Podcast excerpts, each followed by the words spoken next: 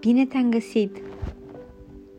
Te invit astăzi să te conectezi cu acea parte din tine care a fost, este și va fi întotdeauna cu tine.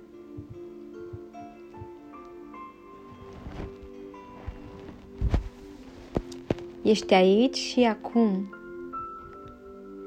Te invit să inspiri profund. Și pe măsură ce inspiri, te conectezi la respirația ta,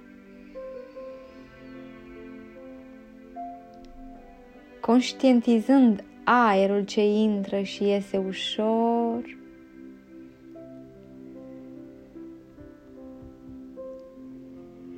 când te relaxezi, intri în contact cu corpul tău. Nu e nevoie să faci nimic decât să te relaxezi.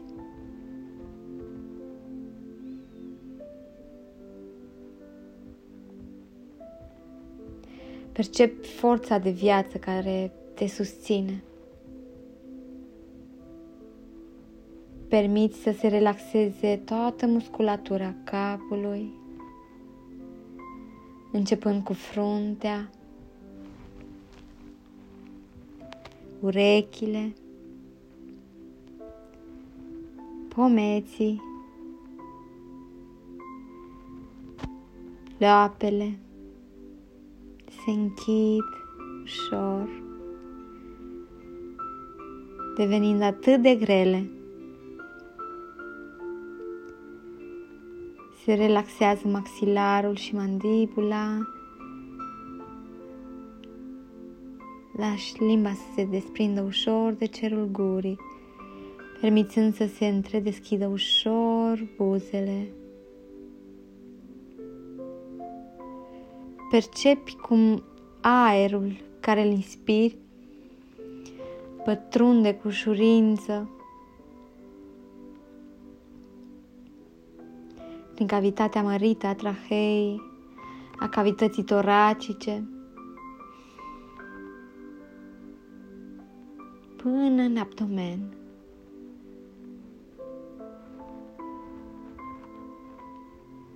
Aerul își urmează circuitul său, ieșind din plămâni în ritmul său. Descobori umerii, înmoaie brațele, lasă-le să cadă grele. Permite să simți acea furnicătură blândă care urcă de la vârful degetelor spre mâini, încheieturi, până la coate. Asigură-te că îți lași deschise mâinile și picioarele și lași gândurile tale să intre și să iasă libere.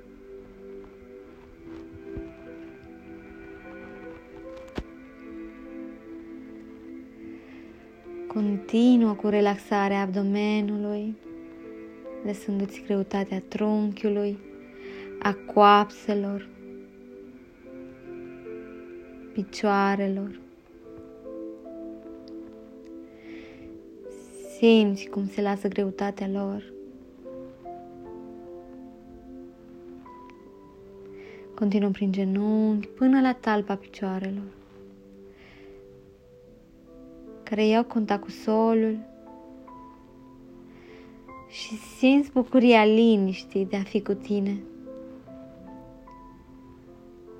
Simți că fiecare lucru e la locul lui. Acum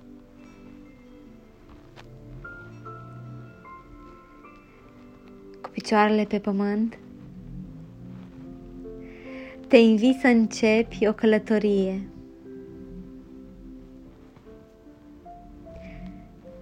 imaginându-ți că dacă te-ai putea ridica și păși ușor, pas cu pas,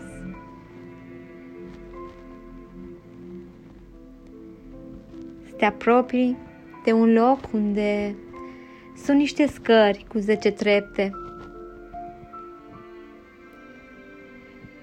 le cobori, una câte una. Nouă, opt, șapte, șase, cinci, patru, trei, doi, unu. Acum ești în fața unei porți. Observă. Da, e posibil să nu o poți deschide cu ușurință, dar ai reușit. Pășește înăuntru. Observi o grădină. O grădină mare. Privește în jur ce plante sunt. Dacă sunt.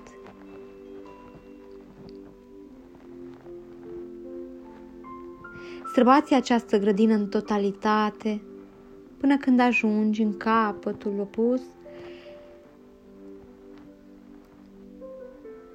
unde, unde vezi o altă poartă, puțin mai mare,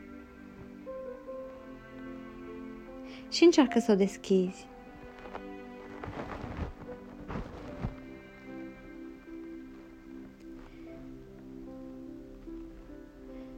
Odată ce ai trecut de ea,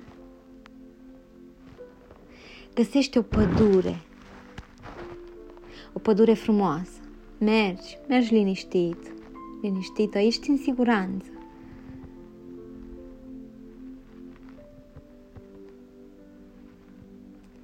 ușor, până când ajungi într-un loc pe care îl cunoști.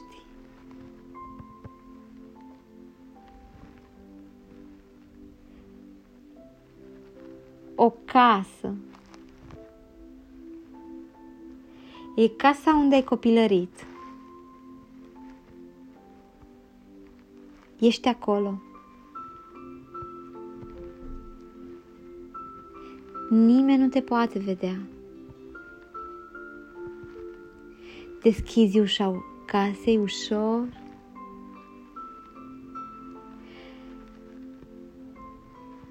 În acea casă ești tu când erai mic, mică, cu cinci, șase, șapte ani și toate persoanele cu care locuiai în acea perioadă. Tu, adultul de azi,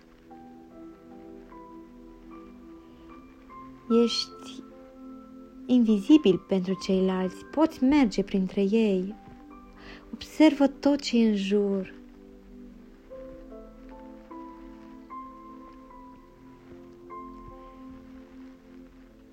Apoi te îndrepți către camera ta.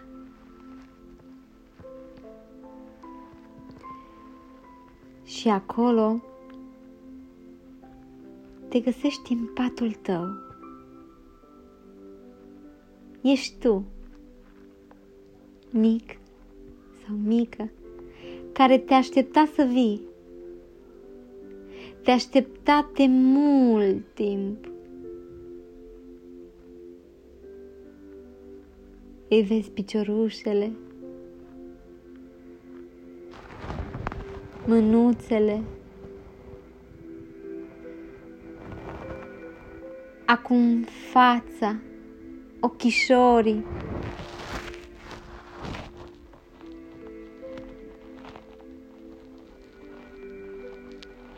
Și începe să-ți povestească.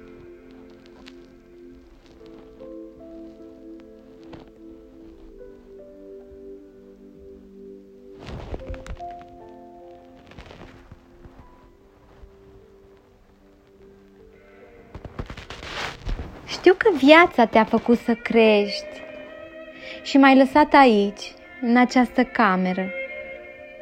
Și am stat singur, ani de zile.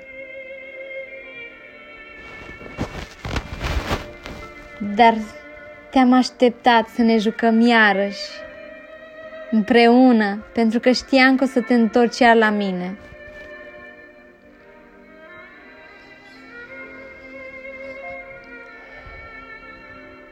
Îi zici în șoaptă că ai ajuns până acolo pentru a-i fi aproape.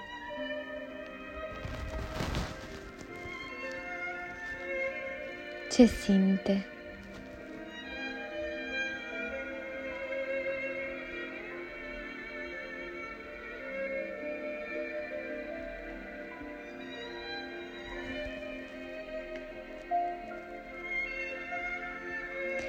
Ce simți tu cu ceea ce simte acel copil?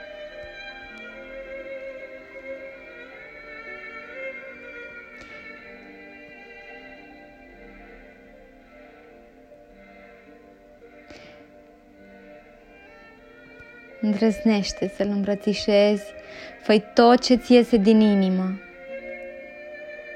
Și în această îmbrățișare Simți cum brațele tale strâng parcă cu iubire și protecție acest copil. Propriul tău suflet. Și din mintea ta, din inima ta, îi transmiți acestui copil că îl vei iubi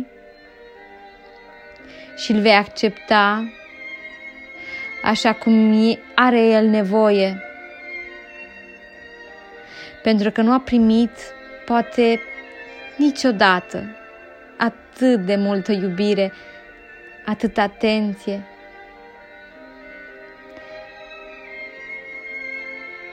de care ar fi avut nevoie ca să crească. Privește-i ochii curați și puri,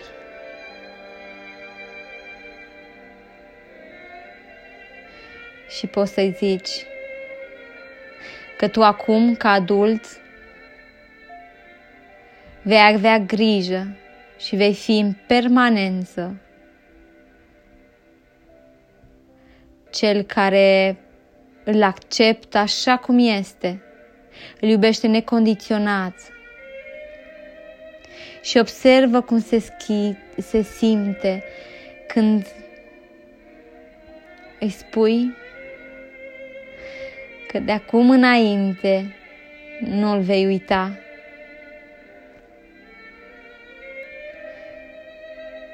Și că îl vei avea aproape de inima ta, de sufletul tău, de acest copil ce trăiește permanent în interiorul tău. Și care ani de zile s-a simțit neglijat trist, abandonat.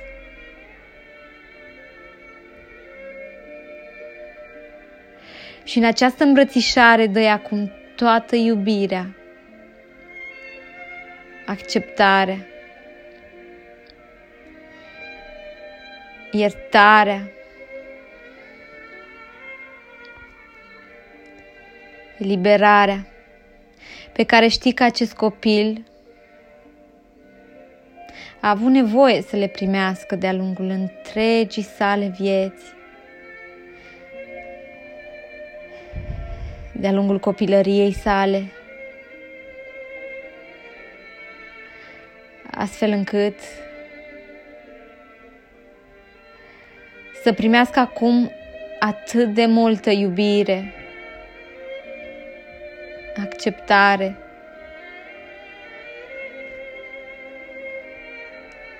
încât să-i ajungă pentru o viață întreagă.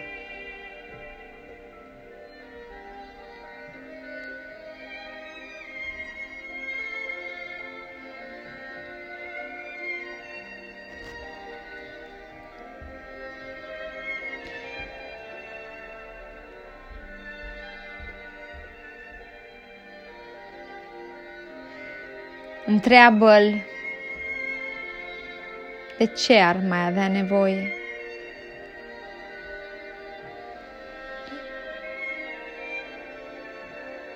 Ascultă.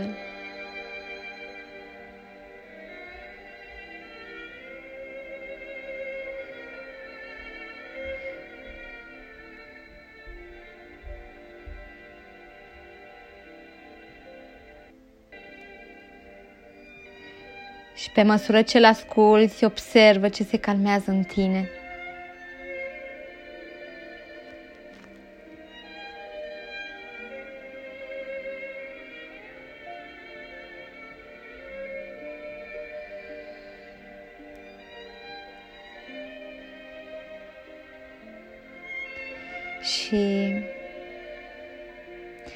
Camera în care ai regăsit copilul tău interior, observa acum că parcă există mai multă lumină în ea.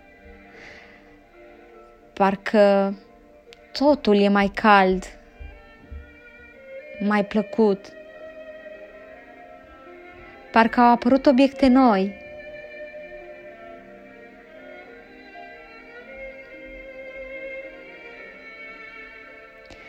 Asigură-l pe copil că niciodată nu-l vei mai lăsa singur și uitat în sufletul tău,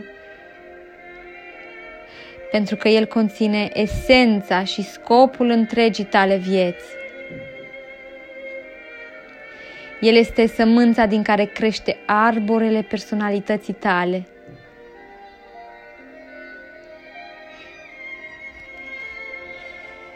Și acea sămânță trebuie udată cu atenție, cu iubire, permanent.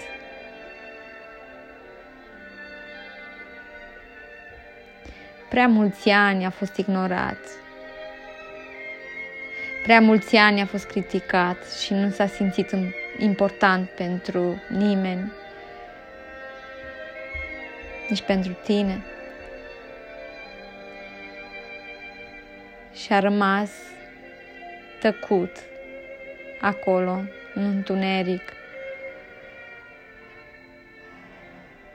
ca să nu te deranjeze când ai început să crești în viața de adult.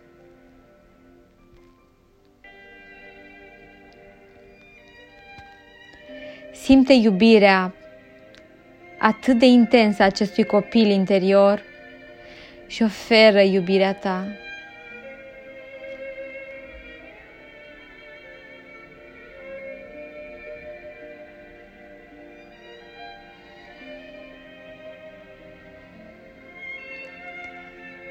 Și ia cu tine această iubire.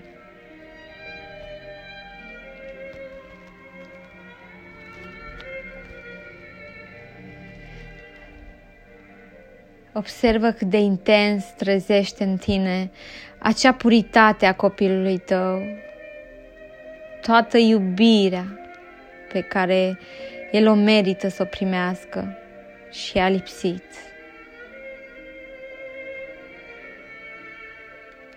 Toată acceptarea, toată protecția și îmbrățișările. Oferă-i-le tu acum.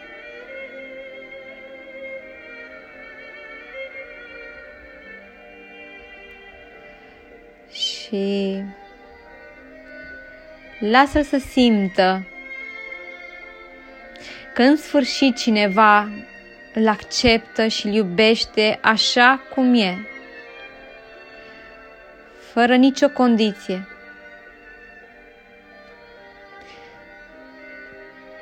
Nu e nevoie să fie mai bun, mai frumos, mai deștept. Pur și simplu, iubește-l pentru că există. Și prin iubirea Lui, învață să te iubești pe tine. Mulțumește-i sufletului tău că nu te-a uitat.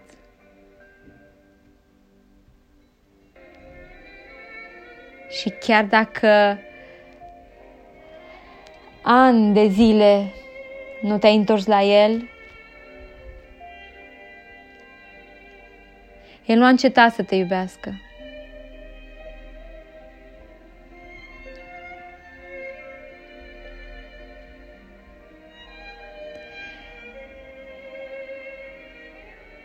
Și al de mână și mergi cu el pe acea cărare magică, acel loc frumos din copilărie. Și observă-l cum crește devine adolescent. Om adult. Și observă cum se dizolvă parcă în interiorul tău cu toată iubirea sa ca să facă parte complet din propria ta viață.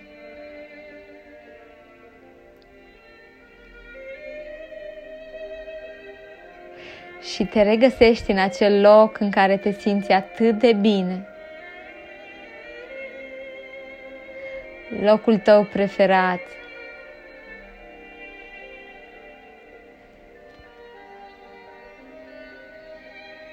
E foarte bine.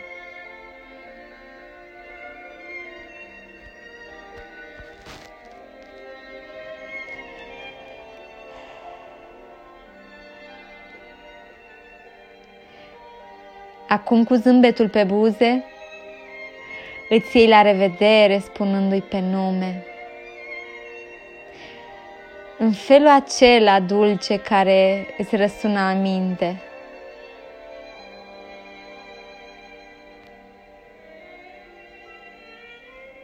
Îi dai o puternică îmbrățișare și ușor, ușor părăsești camera.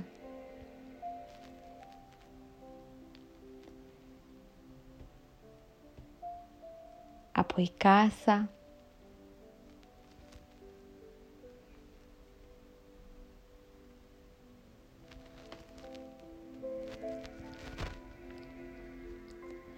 Treci total neobservat, neobservată, te întorci pe același drum,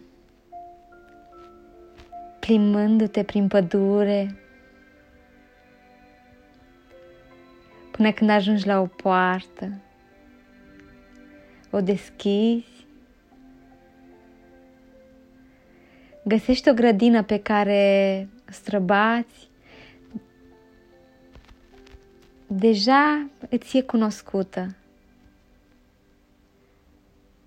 Pe măsură ce mergi,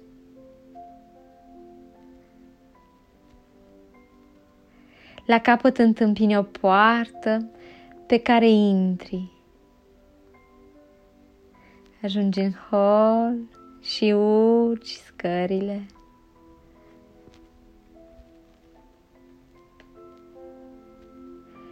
Unu, doi, trei, quatro, cinci, șase, șapte, opt, nouă, zece,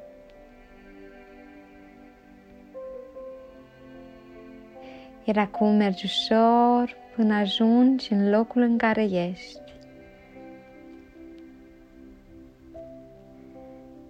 Mișcă-ți ușor degetele picioarelor.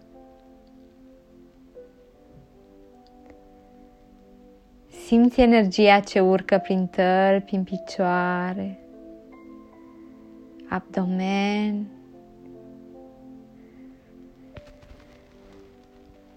zona toracică, gât, față și tot capul.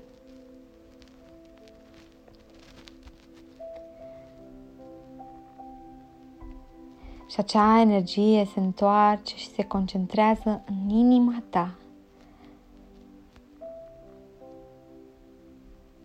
În acest loc în care pentru totdeauna vei îngriji acest copil care rămâne în interiorul tău.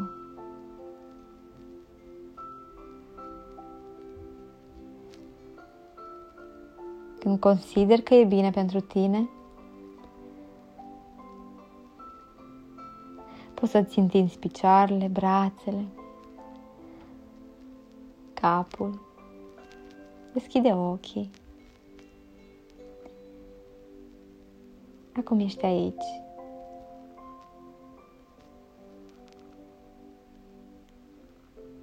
Cum a fost?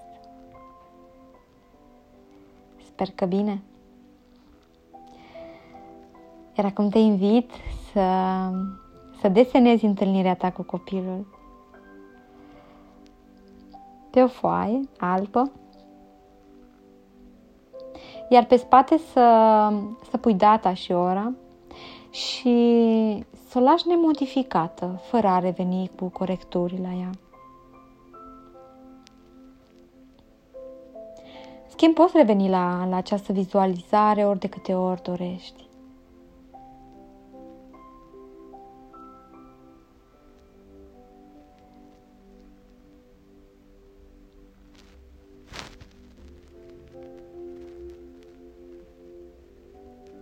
Bucuroasă să fie inima.